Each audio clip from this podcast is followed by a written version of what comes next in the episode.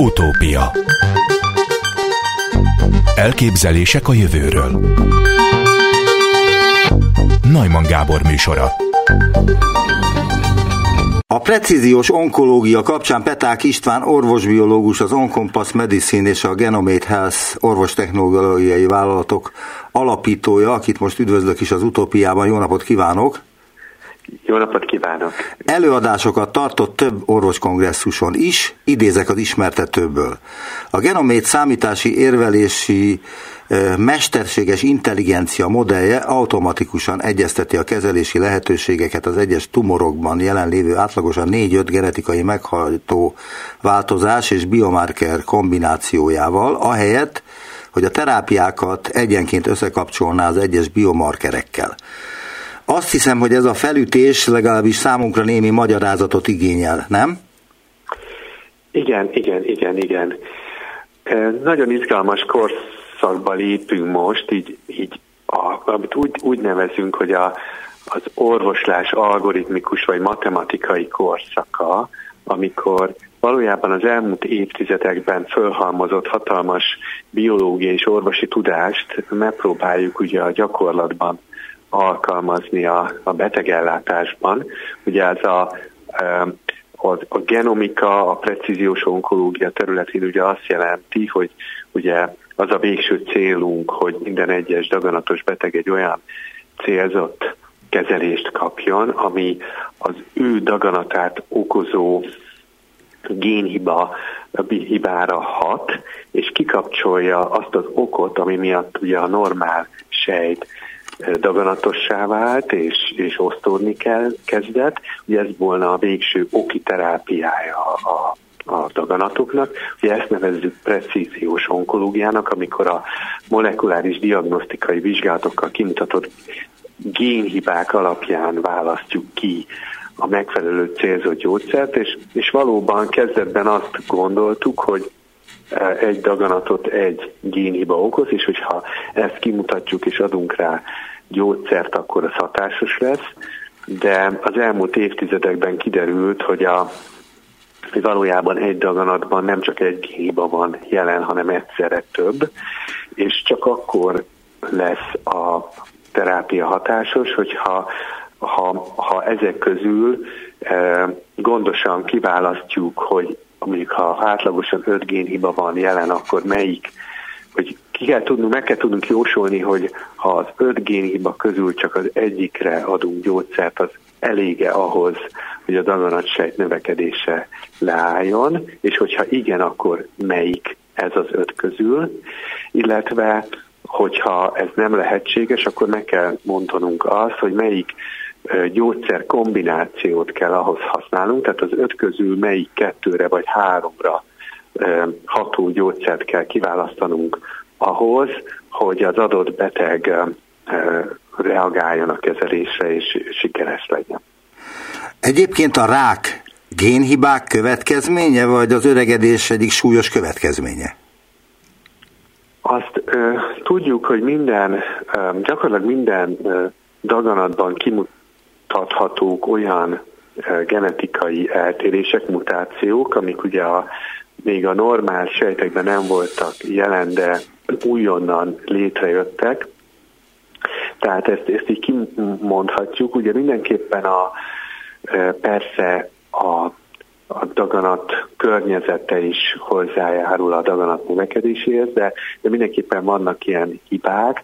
Ugye az öregedéssel úgy függ ez össze alapvetően, hogy egész életünk során folyamatosan osztódnak a, a sejtjeink, ugye a, a bőrünk, ugye hámlik a szaruhártyánk, ugye pótolni kell a bőrünkben a bőrsejteket, a, a szánkban is a nyálkahártyákat ugye folyamatosan pótolni kell. Tehát az egész szervezetünkben folyamatosan cserélődnek a sejtjeink, és mikor, mikor lecserélünk egy sejtet, és új sejt születik, akkor az osztódás során ugye le kell másolni a teljes genetikai állományunkat, és ilyenkor a másolás során, amikor ugye ezt a három milliárd betűt lemásolja a sejt, akkor random, véletlenszerűen történnek hibák.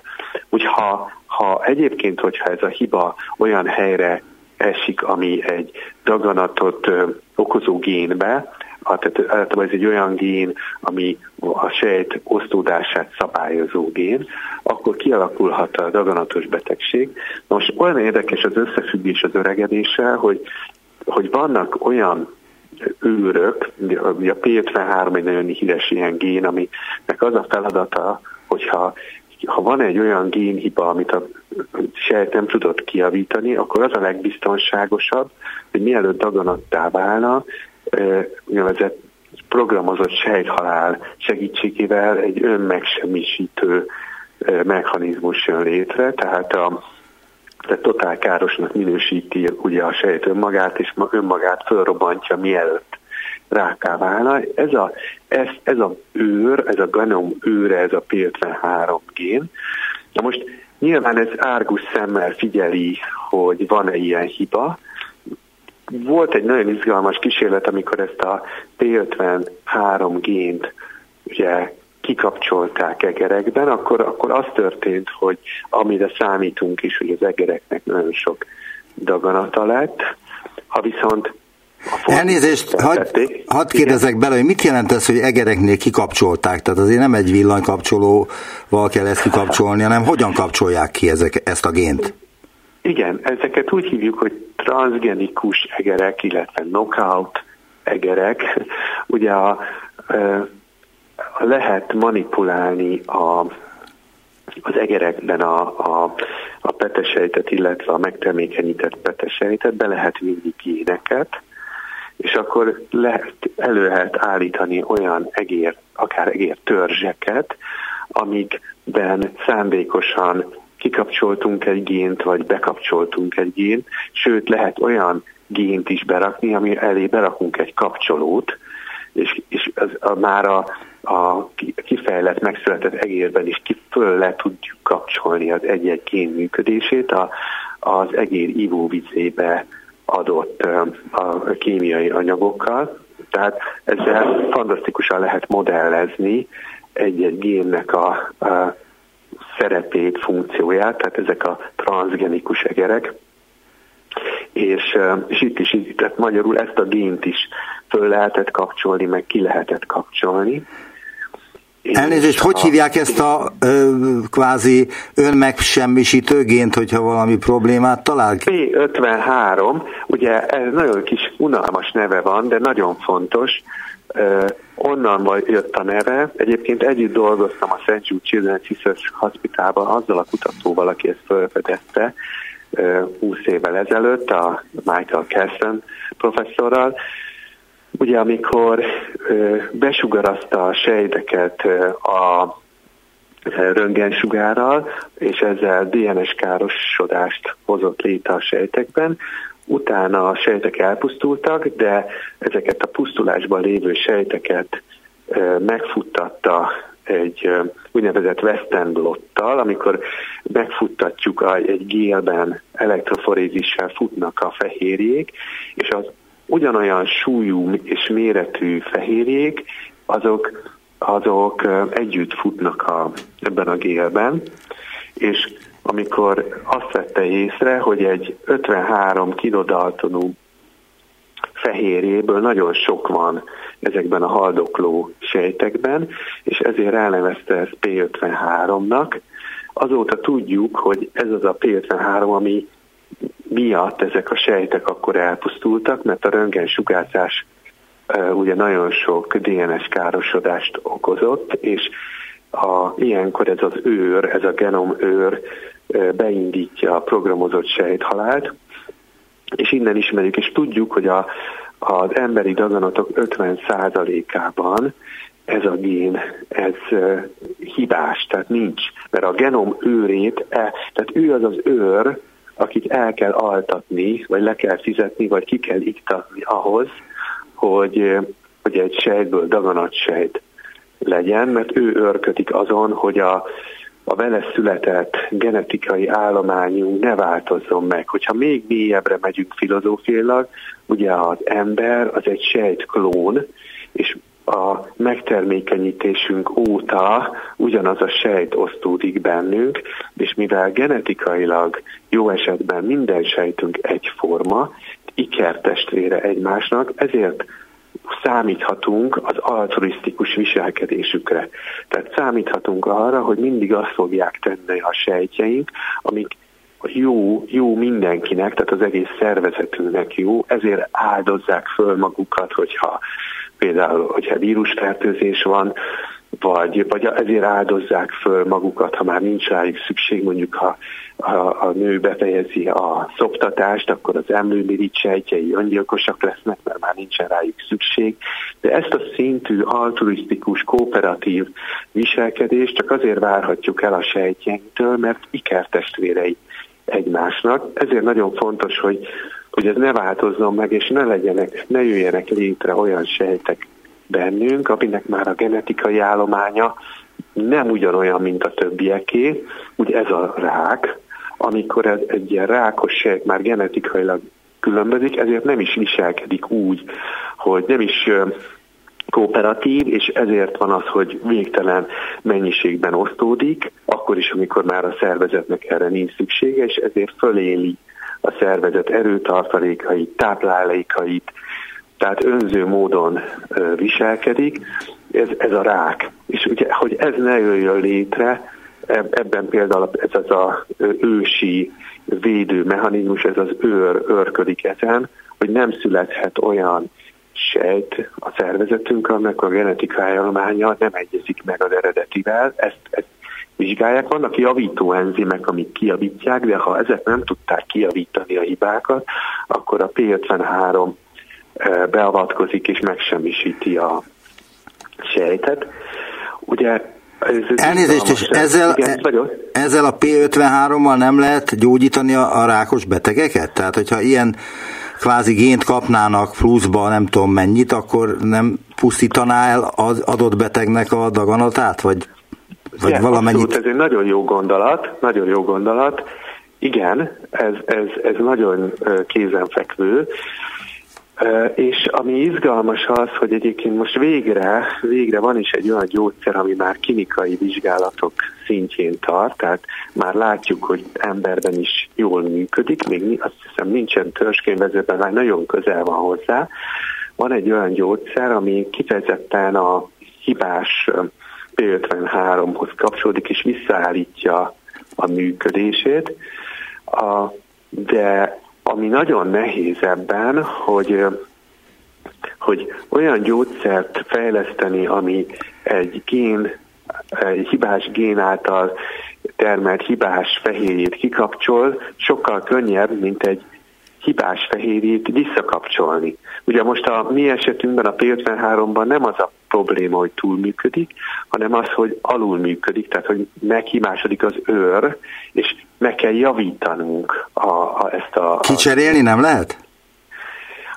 Ugye a, a be, ugye a, ezek nagy, nagyon sokat próbálkoztunk génterápiával, tehát hogy bejuttatni gént, egyszerűen farmakológiailag, technikailag nagyon nehéz megtenni, hogy a szervezetben um, eljutassuk ezeket a géneket a már szétszóródott sejteket. Voltak olyan próbálkozások, hogy a hasüregben növekvő daganatoknál ez, ez meg lehetett tenni, tehát, tehát meg in vitro, tehát laboratóriumi körülmények között be tudunk rakni géneket, meg ki tudunk venni géneket sejtekből, de még ez nem sikerült igazából a, a szervezetben. Ugye ami izgalmas lehet, hogy esetleg RNS-sel, messenger RNS-sel alapú gyógyszerekkel, az, az ugye például azzal, ez, ezért szenzációs, ugye Karikó Katalin munkája, mert ugye a messenger elég jól be tudjuk vinni a szervezetbe, és rá, az rábírja a sejteket arra, hogy termeljenek egy fehérjét, amit egyébként nem termelnének. Tehát ilyen, ilyen típusú próbálkozások vannak, de, de most sikerült egyébként ez a kis molekula gyógyszer, ami már klinikai vizsgálatban van, ez hozzá kapcsolódik a hibás fehérjéhez, és visszaállítja a tér szerkezetét, de alosztérikus gyógyszereknek nevezzük. A, annyi, annyi csak a nehézség, hogy nagyon specifikus a mutáció típusára, tehát egy konkrét konkrét, tehát, tehát mutáció esetén eh, hatásos, úgyhogy minden egyes mutációra külön gyógyszer, gyógyszert kell majd fejlesztenünk, ami, eh, ami nagyon nehéz lesz, de persze ezt is most forradalmasítja a, a mesterséges intelligencia. Ugye tudjuk, hogy olyan, most már sikerült olyan, hogy az AlphaFold nevű mesterséges intelligencia meg tudja mondani, hogy hogy néz ki a háromdimenziós térszerkezete a fehérje molekuláknak, és ez rendkívüli módon fölgyorsította a, az új gyógyszerek tervezését, hiszen bele kell reszelni itt a kulcsot a zárba a, ezeket a új gyógyszermolekulákat, de ez először látnunk kell a zár szerkezetét, és ezt, ezt most meg tudta tenni ez az alfafold, úgyhogy, úgyhogy most arra számítunk, hogy ez most nagyon fölgyorsítja új hatóanyagok fejlesztését. Az lesz az izgalmas kérdés, hogy ezek milyen gyorsan jutnak el a betegekig. Mert, és ebben próbálunk mi így segíteni, a mi általunk fejlesztett mesterséges intelligenciával, mert ugye azt nem lehet arra várni, hogy minden egyes betegben a, az összes több milliónyi különböző mutáció esetén külön-külön próbáljuk ki az összes lehetséges gyógyszert, hanem kell egy olyan ö, mesterséges intelligencia alapú ö, szoftver, amin dolgozunk, ami bizonyítottan jól választja ki az adott betegnek a gyógyszert, és ezzel lehet, mert ugye egyébként én azt számoltam, hogy 14 millió évre lenne szükségünk, hogy befejezzük az összes klinikai kutatást, és, és ezt akarjuk lerövidíteni pár évre, maximum két évtizedre, én ennyi, ezt a határidőt adtam magamnak, hogy a, hogy a, a daganatos betegek többségének a klinikai gyakorlatban elérhető legyen olyan célzott gyógyszer, ami ezeket a hibás géneket helyreállítja. Például a P53 gént, az őrt meggyógyítja, visszakapcsolja, és abban a pillanatban visszakapcsol, akkor az összes olyan daganatsejt, amiben a genetikai állomány különbözik a normálistól, elpusztul, és, és, és visszaáll a, az eredeti rend, Úgyhogy, úgyhogy csodálatos, hogy idáig eljutottunk egyébként a kutatásokban, hogy ilyen szinten értjük, hogy hogyan alakul ki a daganat. Most az a kérdés, hogy ezt a tudást, ahogy az elején mondtam, hogyan tudjuk átültetni a, a betegek számára hasznos eljárásokba. A különböző orvos konferenciák előtt önről is megjelent mindenfajta ismertető anyag, azt olvasni még az önnel kapcsolatos tudnivalókról, hogy 2021-ben vezetett be egy új számítási módszert, amely sikeresen alkalmazta a kognitív számítástechnikát a precíziós onkológiában. Erről beszélt az elején a kérdésemre, de ez pontosan mit is jelent?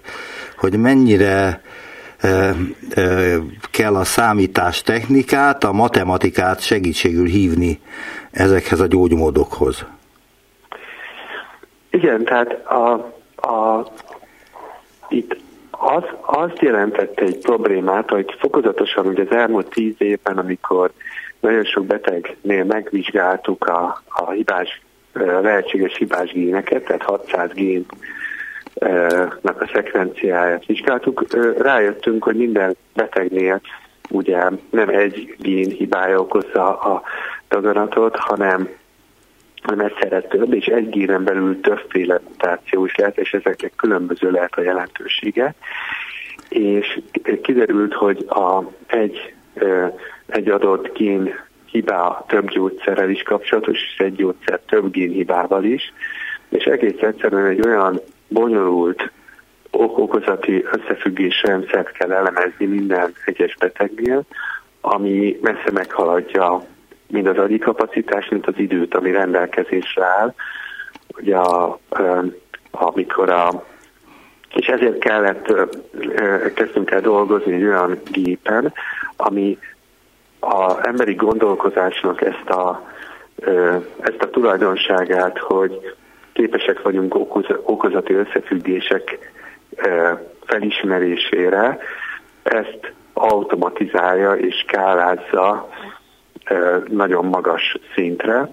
Úgy is el lehet képzelni egyébként, mint a sakkot, hogy nagyon sok szabály van, és nagyon sokféleképpen lehet lépni, csak ugye most mi a rákkal sakkozunk, tehát mindenképpen nyerni akarunk, és kell egy olyan gép, ami kiszámolja egy adott mutáció kombináció esetén, hogy, hogy melyik génre ható gyógyszernek a hatása lesz az, hogy az egész daganatság leáll.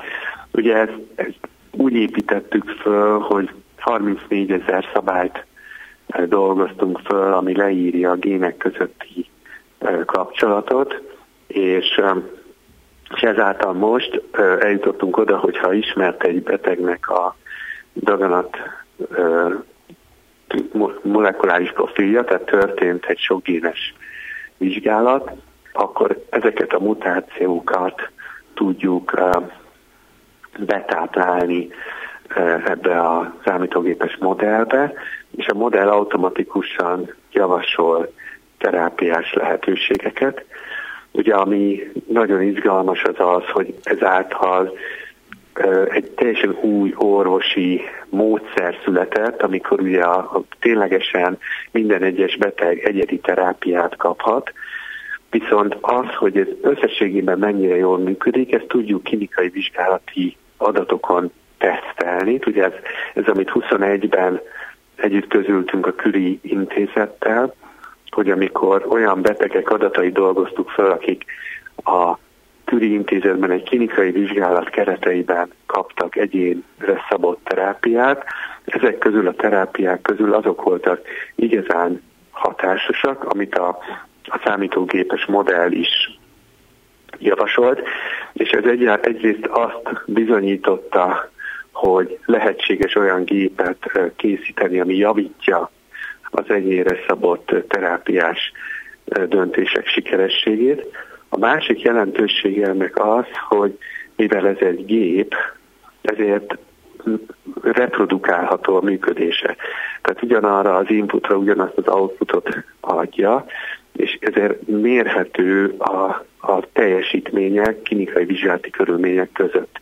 Ez azt jelenti, hogy tudunk statisztikai bizonyítékot generálni arra, hogy mennyire hatékony az egyedi terápia, ami önmagában egy paradoxon, ugye matematikai paradoxon, hogy hogyha mindenki más kezelést kap, akkor honnan tudom, hogy jó kezelést adok.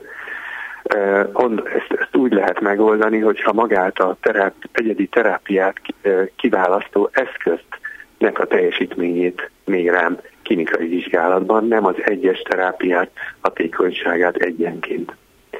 Úgyhogy ezért van az, hogy azt gondoljuk, hogy ezért keltett ez a, ez a fejlesztés olyan sok nemzetközi figyelmet, mert innentől egy új korszakba tudunk lépni, amikor nem, nem egyedi egy-egy gyógyszert kell kipróbálnunk egy-egy betegcsoportban, hanem valójában csak arra van szükség, hogy ezeket a szoftver, orvosi szoftvereket teszteljük, és ez, ez egy olyan új korszakba lépteti az emberiséget, amikor majd azt fogjuk kérdezni az orvosunktól, hogy, hogy az én vesedaganatomra a doktor úr melyik cég szoftverét javasolja, és erre lesznek, lesznek guideline-ok és ajánlások és klinikai bizonyítékok, hogy melyik egyéb személyre szabott kezelés tervező szoftver a leghatékonyabb egy adott betegségben.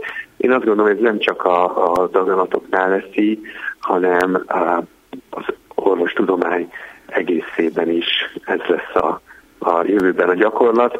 Egyszerűen azért, mert minden biológiai, orvosi paramétert ugye műszerekkel tudunk mérni, digitalizálni, és ezeket a digitális jeleket föl tudjuk dolgozni számítógépes algoritmusokkal, és az algoritmusokat fogjuk tudni a, vizsgálni klinikai vizsgálatokban, és ez egy, ez egy, egy exponenciális gyorsulást fog hozni az orvostudomány fejlődésében. Nagyon szépen köszönöm az interjút, amit egyébként még folytathatnánk szerintem több órán keresztül is. Peták István orvosbiológus, az Oncompass Medicine és a Genomate Health orvostechnológiai vállalatok alapítója volt a vendégem. Viszont hallásra! Viszont hallásra! Utópia az ELKH Energiatudományi Kutatóközpont tapasztó Levente által vezetett élvonal kutatócsoportjában először hoztak létre a látható fény frekvencia tartományába eső grafénplazmonokat egy speciális nanométeres skálán gyűrt grafénszerkezet segítségével. Üdvözlöm tapasztó Leventét, a kutatóközpont osztályvezetőjét az utópiában. Jó napot kívánok! Jó napot kívánok, üdvözlöm a tisztelt hallgatókat! A grafén a szén egy nanoszerkezetű allotrop módosulata, egy egyetlen atomvastagságú grafit réteg, melyet még sejtrácsos elrendezésben álló szénatomok alkotnak olvasni a lexikonban. De mi a grafénplazmon? Hú, igen, hát igen, a grafénról egyébként ez, ez, ez egy nagyon jó formális megfogalmazás, de végül is nagyon egyszerűbben is el lehet mondani. Tehát ő tényleg a létező legvékonyabb anyag, valóban egyetlen szénatom vastag, és a grafitot, amit mindannyian ismerünk mondjuk a ceruzából, ahhoz úgy kötődik, hogy ugye ez ilyen kristálysíkokból áll fel, és egyetlen egy atom vastag ilyen kristálysíket, ami pusztán szénatomokból épül fel, azt külön tudnánk választani, akkor már meg is kapnánk a grafént. Ez ilyen nagyon egyszerűen hangzik. Nem az, már csak azért sem, mert ennek az izolása, izolálásáért, tehát ennek az elkülönítéséért, ennek az egyetlen egy rétegű kristálynak, ezért Nobel-díjat adtak 2010-ben, 2004-ben tette ezt meg a Konstantin Nocello és André Geim a Manchester Egyetemen. Szóval a, a grafént ilyen egyszerű elképzelni, szóval egy nagyon-nagyon mindössze a létező legvékonyabb kristály, ami pusztán szénatomokból épül fel. A grafén plazmon, ez már egy... Egy pillanat, hadd kérdezzem meg már bele, ugyanis érintette, hogy, hogy hogy lehet előállítani grafént egyáltalán. Tehát, hogy azt olvastam az ismertetőben, hogy hát, hát egyre jobb, több atomot kell leszedni egy, gra, egy grafit részről, amíg elérünk az egy atomig, mármint az egyatomos szerkezetig, és az, az, a, az a grafén. De, Igen, de ezt hogy lehet megtenni, hogy ezt lekaparom róla a atomokat? Igen, hát ez igazából, igazából kétféle megközelítése vannak a dolognak. Az egyik, amivel valóban a felfedezés is kezdődött, az valóban, hogy elindulunk, ez a, ez a fentről lefele módszer, hogy a grafit kristályunk az ugye megvan, és hát akkor abból próbáljuk meg mondjuk addig úgymond vékonyítani ezt a grafit kristályt, egy darab grafitot, amíg egyetlen egy réteg marad. Ez, ez elég, hogy mondjam, meredeknek hangzik, de az igazság, hogy egy kis szerencsével vannak olyan módszerek, például a felfedezéshez mindössze egy, egy ragasztószal szalag kellett. Tehát egy, a ragasztó szalagot arra használták régen, hogy a grafit kristálynak letisztítják a, letisztítsák a felületét. Tehát egyszer leszedjék a felső néhány réteget, és akkor használják a tiszta felületet a, a tudomány száma. És azt mindenki bedobta egyébként a kukába utána ezt a ragasztószalagot rajta néhány grafit réteggel. A néhány az úgy kellett, hogy néhány százzal. De itt a, a, a Manchesteri kutatók ők azt csinálták, hogy pont ezt, hogy mindenki eldobott, azt elkezdte egy kicsit még így úgymond tovább vékonyítani, ilyen próba szerencs alapon nem gondolták ők, hogy eljutnak az egy már csak azért se gondolták, mert eredetileg úgy gondolkodtunk róla, hogy ez nem is, lehet, nem is lehet stabil. De mivel kiderült, hogy végül is sikerült nekik, tehát azt kicsit úgy kell elképzelni, mint hogy egy ragasztó szalagot így, így összenyomnák és szétválasztanák rajta, rajta a grafittal, és addig ismételgetnénk ezt, amíg a végén már mondjuk csak egy réteg marad. De egy kicsit nehéz elképzelni, de az az igazság, hogy működik. Nagyon kis kihozatallal, de működik. Manapság már ugye nem ezt a, nem ezt a módot használjuk, bár a kutatásban még mindig alkalmazható ez, mert nagyon egyszerű. Ezért is terjedt el annyira nagyon a grafén futótűzként terjedt el a, a, a fizikusok és az anyagtudományal foglalkozók körében, mert nagyon könnyű volt, mindenki gyakorlatilag szinte konyhába elő tudta állítani. De manapság azért már... Igen, ugye, de mire jó ez, hogy előállítják ezt az egyatomos grafit ez, réteget, igen. amit grafénnak neveznek? Tehát mennyiben más tulajdonságú egy grafén, mint a grafit? Igen, ez egy nagyon jó kérdés, nagyon. Tehát első körben azért arra volt jó, csak hogy megvizsgálják, hogy egyáltalán, hogy akkor pont ez volt a kérdés. Mennyiben? Hát a grafitot ismerjük már, mit mennyiben lehet más az, hogyha egyetlen egy rétegét vizsgáljuk meg drasztikusan. Annyira drasztikusan, hogy igazából ezért adtak Nobel-díjat, mert, mert egy nagyon-nagyon speciális, úgymond elektronszerkezet, tehát a, a, a grafénban az elektronok, hogy ezek a töltéshordozók, azok nagyon-nagyon más, amik meghatározzák a legtöbb fizikai tulajdonságát a, az anyagnak, nagyon-nagyon másképp viselkednek, mint a grafitban. Tehát semmilyen más anyagot nem ismertünk a grafén előtt, amiben a töltés, az elektronok, beszéljünk így egyszerűen az elektronokról, tehát az elektronok másként viselke, úgy viselkedtek volna, mint a grafénban. Tehát ezt úgy szokták mondani, hogy úgy viselkednek, mint hogyha nem lenne tömegük, mint hogyha nulla effektív tömegük lenne. Ilyen, ilyen ezzel a koncept, koncepcióval gyakorlatilag az anyag, anyagfizikában, a szilárdtest fizikában korábban nem, nem találkoztunk. Tehát egy gyökeresen új tulajdonságokkal rendelkező Tehát, hogy nincs olyan anyag... mindenki vizsgálni. Bele szoktam, vagy bele kérdezgetek, ne haragudjon, tehát akkor nincs olyan Tudottam. anyag a, a szilárdtest fizikában, amely ilyen vékony lenne, vagy amelyik ilyen uh, szerkezetű lenne?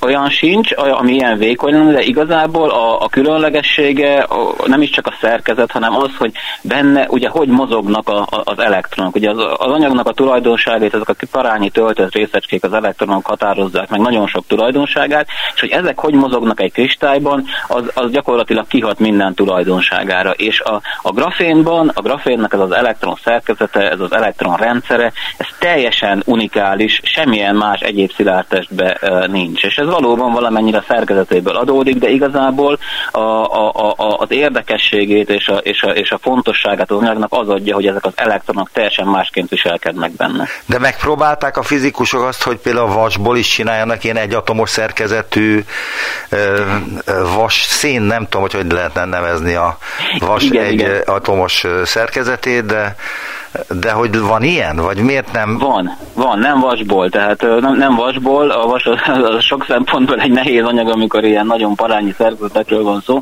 de léteznek. Tehát az első, amikor kiderült az a grafénről, hogy valóban ezek a 2D kristályok, ezek, ezek, ezek stabilak és léteznek, vagy hát a grafén legalábbis, akkor elkezdtek, elkezdtek rögtön vadászni, és más anyagból vajon lehetne ilyet csinálni, ugye, és hát tudjuk, azt ismerjük, hogy nem a grafit az egyetlen réteges kristály, hanem több, akár több ezer olyan kristály kristály van, ami szintén ilyen réteges.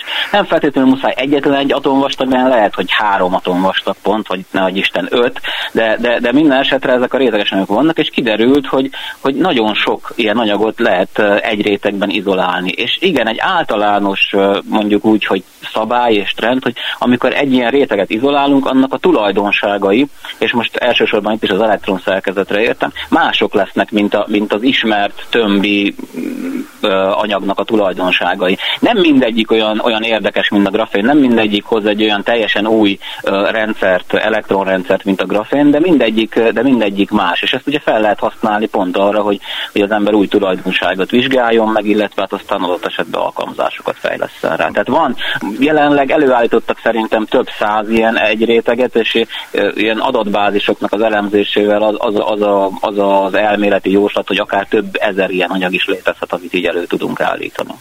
Hát akkor most ugorjunk és bonyolítsuk egy kicsit a helyzetet, már elnézést kérek a hallgatóktól, meg öntől is, de nem a grafitról van itt szó, és nem is a grafénről, hanem a grafén plazmonokról, mert azt kérdeztem először, hogy először hoztak létre a látható fény frekvencia tartományába eső grafén plazmonokat egy speciális nanométeres skálán gyűrt grafén szerkezet segítségével. Tehát akkor most mik azok a grafén plazmonok? Igen. Tehát most már ugye kicsit ugye a grafénról van fogalmunk, és itt a leglényegesebb dolog az az, az a speciális elektronrendszer. A grafén plazmonok, a plazmonok eleve egy, egy, egy különleges, hát nevezzük őket részecskéknek, a, a fizikusok szeretik kvázi majdnem részecskéknek nevezni őket. Ugye arról van szó, hogy tulajdonképpen a, a fény az hogy hat kölcsön az anyaggal. Egy plazmon az mondjuk úgy, hogy a, a, a fénynek, ugye fotonnak, ennek az elektromágneses hullámnak és az anyagnak az elektronjainak az összekapcsolódásából, egy különös kölcsönhatásából jön létre ez a, ez, ez a plazmon, ez a plazmonnak nevezett uh, részecske. Uh, tudni kell azt, hogy nem minden uh, anyagban képes uh, a, a, a fény az, az adott anyagnak az elektronrendszerével így összekapcsolódni, ezek csak nagy, általában elég speciális speciális és, és kevés az az anyag, amiket úgy hívjuk, hogy plazmonikusan aktív anyagok, ahol ez megtörténik. Csak ugye az a kérdés volt, hogy a grafén az, az ilyen anyag-e, és hát ugye a grafénről tudjuk, hogy hát olyan, olyan egyedi az elektron szerkezete, és akkor nyilvánvalóan érdekes, hogyha a fény képes így, így módon úgymond plazmonokat kelteni benne, tehát akkor ezzel a speciális elektron szerkezettel összekapcsolódva vajon milyen érdekes tulajdonságok ö, ö, lesznek. Tehát a fény hatására jön létre ez a bizonyos grafén plazmon.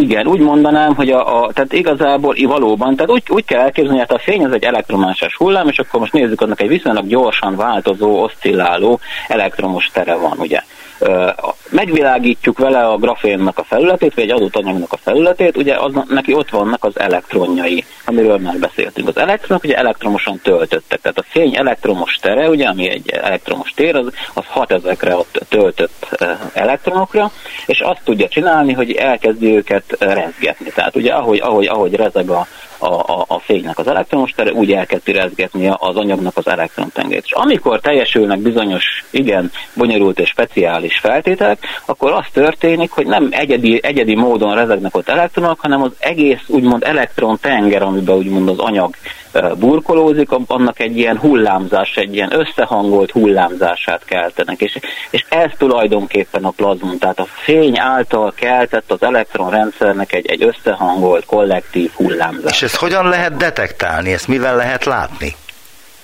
Nagyon jó kérdés. Lehet detektálni indirekt módon, tehát ennek van egy hatása, és erről mindenképpen érdemes majd beszélni, és elmondom, és, mert ugye hát igazából ez, ez adja az egyik jelentőségét. Hát úgy lehet detektálni, hogy ezek a plazmonok kölcsönhattak a környezetükkel, és ezt mindjárt kifejtem, de lehet őket direkt módon is, vagy direktebb módon is detektálni egy, egy, egy, egy módszerrel, amit úgy hívnak, hogy pásztázó közeltér optikai mikroszkópia talán majd erről is bővebben majd, majd, majd mondok két szót. Az a helyzet, hogy mond egy mondatot, és a, amivel magyarázza a mondatot, arra is ki kell még térni, ahhoz is lábjegyzet kell, meg még ahhoz is lábjegyzet kell, de mindegy, amennyit megértünk belőle, annyit megértünk, kárba nem megy. Igyekszem.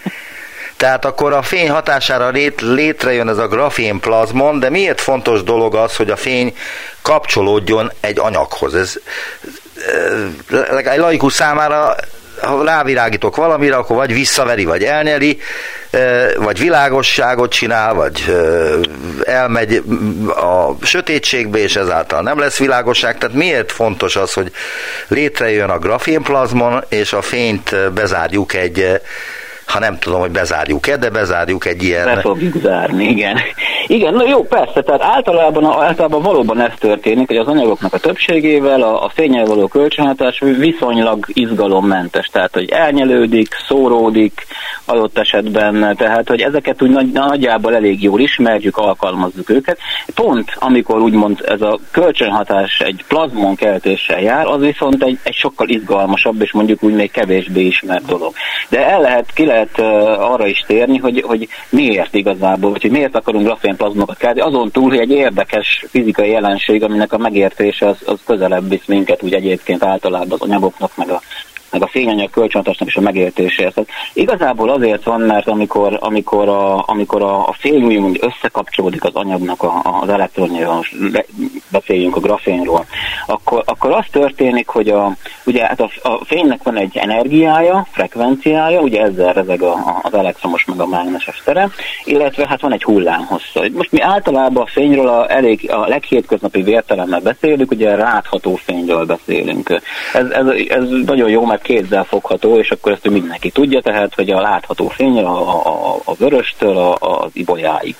E, és e, ugye amikor, amikor, a, amikor a, a fény ugye kölcsön az elektronrendszerrel, akkor a, ahogy átadja ezeket a rezgéseket a, a, az elektronrendszer, hogy összekapcsolódva vele együtt rezeg, akkor a, a rezgésnek a frekvenciája az, az, az ugyanaz lesz természetesen. Viszont a hullámhossza az megváltozik, és e, ez, ezt, ezt plastikusan úgy lehet leírni, egy kicsit pongyolán, hogy a hullámhossza az lecsökkent, tehát valami olyan, olyan hatást el, mint hogyha úgymond itt az anyagba elkezdenénk sűríteni a fényt. Tehát Azt írják az ismertetőben, elnézést, hogy itt a szavába Igen. vágok, mert ide kapcsolódik, hogy Igen. ez olyan, mintha a fényt kisebb térfogatban nyomnánk össze, Pontosan. ezáltal egy adott térfogatban nagyobb intenzitás sűrítve. Így van.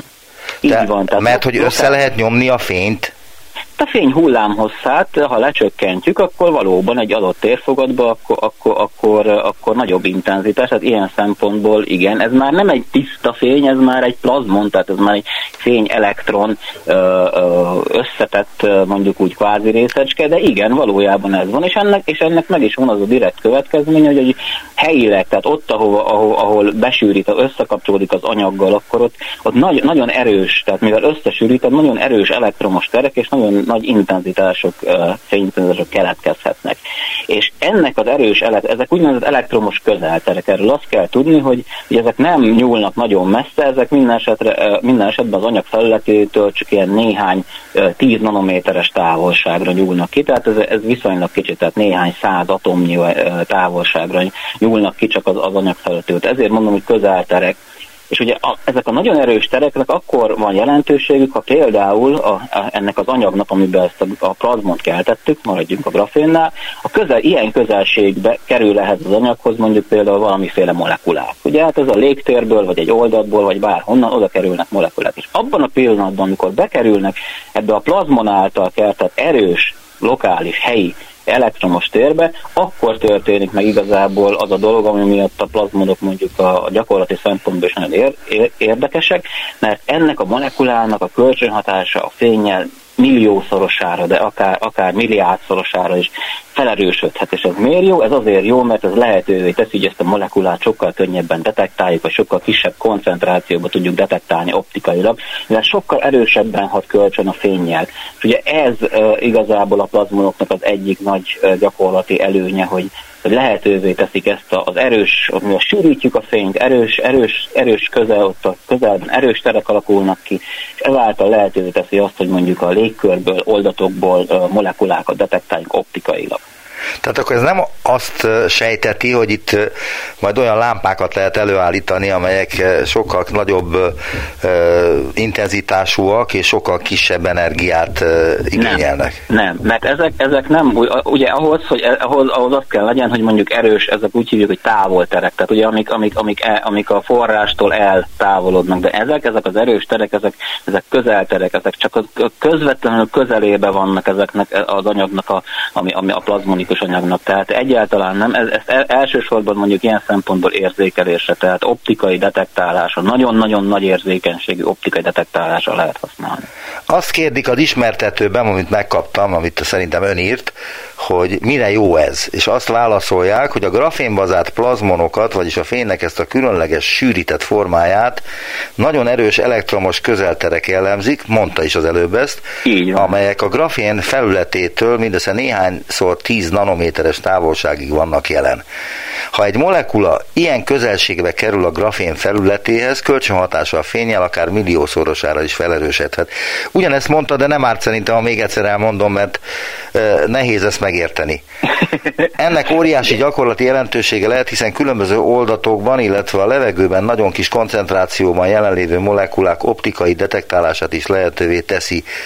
Vagyis hát mire lehet használni akkor?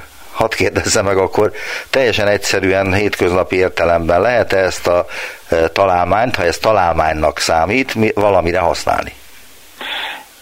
Alap, lehet, ez most ugye alapvetően azért, azért a kutatás, amit mi végzünk, az felfedező kutatás, tehát igaz. Nem, nem akarom önre olvasni azt, hogy alapkutatást végző tudósnak nem kell tudni azt, hogy vagy nem kell előre számolni azzal, hogy mire lesz jó az ő találmány. Nem az az elsődleges célja, ez így van, de kell tudni. Ez, ez olyan szempontból speciális eset, hogy itt bár a, a, a, alapvetően a tudásunk bővítés és a megismerés volt a cél, itt viszonylag nagyon közeli tényleg az alkalmazási lehetőség, pont, pont erre, hogy nagyon nagyon nagy érzékenységű optikai érzékelő. Tehát ezt úgy kell elképzelni, ezt egyébként meg is, meg is valósítottuk, mert annyira, annyira adta magát a dolog.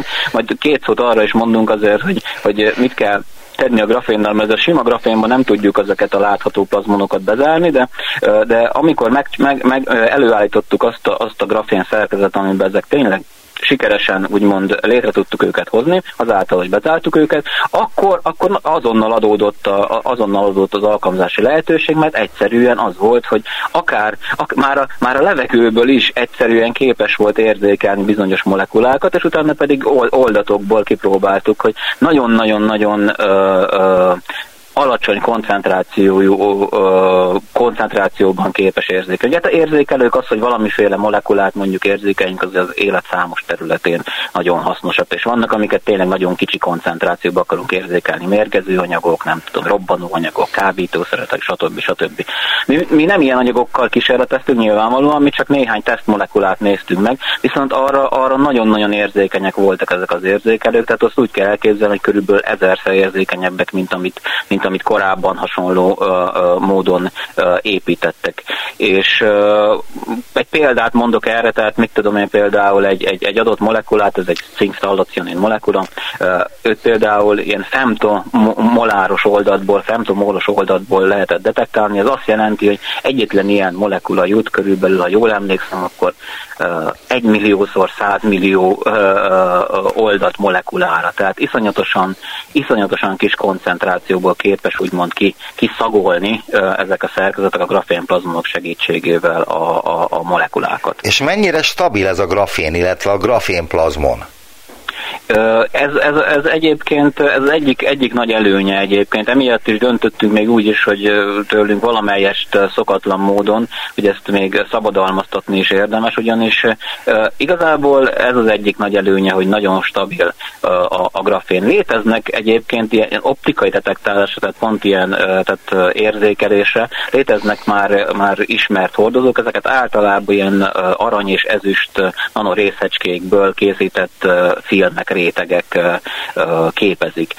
És ehhez képest ugye a grafénnak van két óriási előnye. Az egyik előnye az, hogy egyrészt olcsóbb, mert szénből van, nem aranyból vagy ezüstből. Hát egy ilyen réteg azért nem, le, nem kerülhet olyan nagyon sokba azért. Nem kerül olyan nagyon sokba, de azért az előállításához viszont, viszont mondjuk úgy, hogy nem, nem csak annyi anyagot használnak fel, amennyi az adott rétegben. De nyilvánvaló, csak, csak izé pikét megjegyzés volt a része. Persze, persze, persze, persze, de e, eleve, de egyébként igen, tehát, de akkor is, tehát még hogyha, még hogyha kevés is kell belőle, a szén akkor is olcsóbb, mint az arany és az ezüst.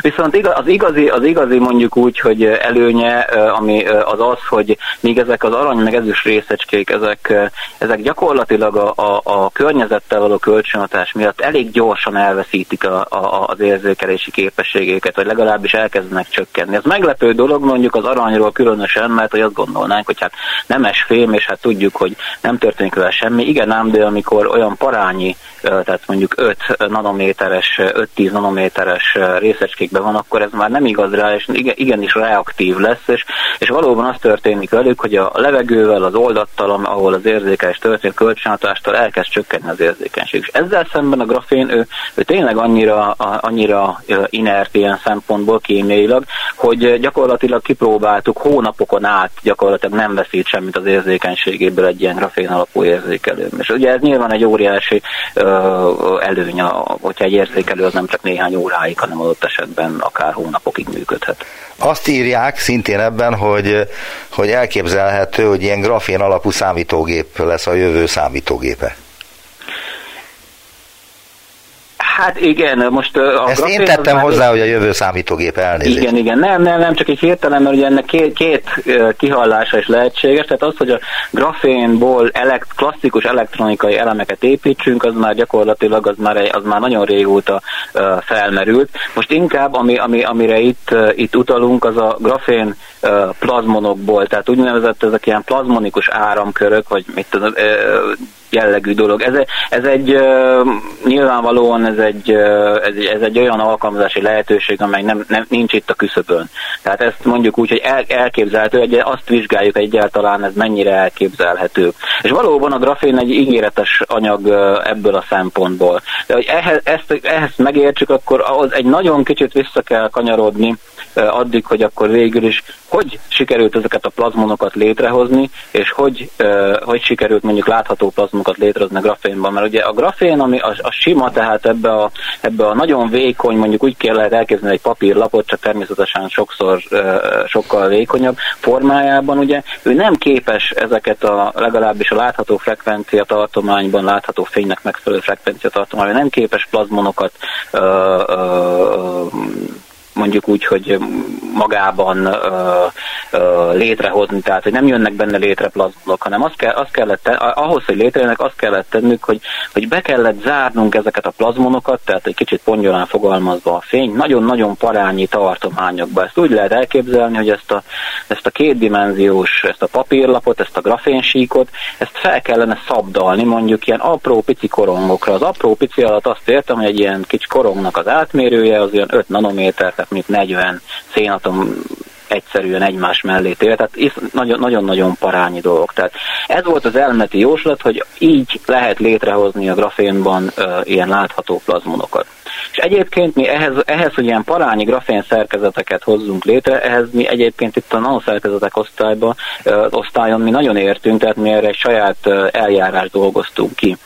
És egyszerűen ezeket úgy kell képzelni, mint a kivágnánk, csak hát egy nagyon-nagyon pontos, szinte atomi pontos ollóval kell ezeket kivágni. Mi ez az atomi Azon, pontos olló?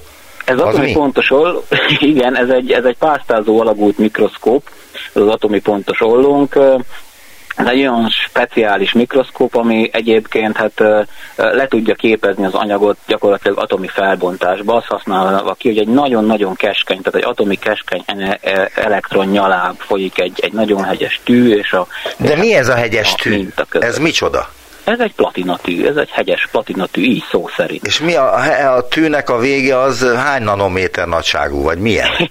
a tűnek a... A, a, a, a hegye. A, a hegye, e, e, hogy ezt megválaszolja az ember, az az kell, hogy mi a tűnek a hegye. A tűnek a hegye egyetlen egy atom igazából. Tényleg? Ezt így van. Ezt nem úgy kell elképzelni, hogy egyetlen egy atom, hogy valóban mi tudunk egy olyan módszert, amivel úgy hegyezzük a tűt, hogy elindulunk valahonnan itt a makroszkópikus látható, nem tudom én tűtől, és utána a végébe kicsúcsosodik úgy, hogy egyetlen egy atom. Nem, egyáltalán. Tehát ezeket a tűket ugyanúgy egyébként mechanikailag simán ö, vágjuk, szakítjuk, és egyszerűen a fizika itt a segítségünkre siet, mert, mert az a helyzet, hogy nem tudunk, tehát sokkal nehezebb egy atomiskálán egy egyenletes, úgymond lekerekített tűt ö, készíteni, mint egy olyan tűt, ami körülbelül úgy néz ki, mint az Alpoknak a hegyvonulata, Viszont azt jelenti, hogy nagyon kicsi az esély, hogy tehát mindig lesz egy csúcs, amelyik, ha nem is sokkal, de legalább egy-két atommal a többi csúcsnál kimagasodik. És itt most ehhez kicsit jobban bele kell menni, de mivel egy speciális áram ö, ö, folyik keresztül ezen a tűn, ez az úgynevezett alagút áram, ami nagyon-nagyon érzékeny a tű és a minta közötti távolságra, ez a távolság ez mindössze nanométeres, annál is kisebb. Ezért gyakorlatilag az áram csak, csak ezen az egyetlen egy hegycsúcson, a tűnek az az egyetlen egy csúcsán keresztül folyik, és így lehet vele egyrészt ilyen nagy felbontásban leképezni, letapogatni úgymond a felületet, és így lehet vele egyébként ilyen nagy pontossággal vágni is például, tehát megmunkálni is a, a, a grafént. Hát ez elképesztő, azon gondolkodtam, hogy ha remeg a keze, akkor ez a munkakör ez nem biztos, hogy alkalmas. Szerencsére ezt nem kézzel kell csinálni, tehát az egész, ugye az egésznek a mozgatása is iszonyatosan precíz, ezeket ilyen piezoelektromos mozgatókkal mozgatjuk, aki tényleg tehát ilyen mondjuk úgy, hogy tehát atom, atomi pontossággal, angströmös pontossággal, 10 a mínusz 10 méteres pontossággal képesek XYZ-be mozogni, azáltal, hogy ezekre a piezokristályokra feszültséget kapcsolunk, és azok nagyon parányi elmozdulásokat okoznak, tehát a, a, kezünk, a kezünk ennél több nagyságrendel pontatlanabb.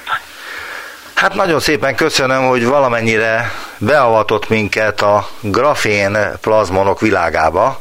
Az, hogy ez mennyire talált, majd kiderül, a hallgatók ezt értékelik, vagy mérlegelik, hogy ez jelentette számukra valamit, vagy sem, de én azt hiszem, hogy ez rendkívül érdekes dolog, mármint ami eddig történt, és ami ezután is fog, meg gondolom, mert még mondta is, hogy ezt le kéne védetni, ezt a találmányt? Nem tudom. Ez folyamatban van. Hát ugye ennek igen, van, van egy ilyen... Mert könnyen lehet, hogy nagyon hamar ezt a, a, alkalmazni is lehet valahol.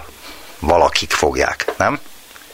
Ez, ez benne van, mi is így gondoljuk, különben nem, nem szabadalmaztattuk volna, tehát igen, ez, ez, itt, itt az a különleges eset, hogy viszonylag közel van úgymond a, a, a, a felfedezés ahhoz, hogy viszony az alkalmazáshoz. Ez nem mindig, néha, néha elég nagy távolság választja, és azzal sincs semmi baj, itt viszonylag közel van, tehát ezt szinte azonnal lehetne alkalmazni. Nagyon szépen köszönöm, Tapasztó Levente volt a vendégem, viszont hallásra. Köszönöm szépen, viszont hallásra.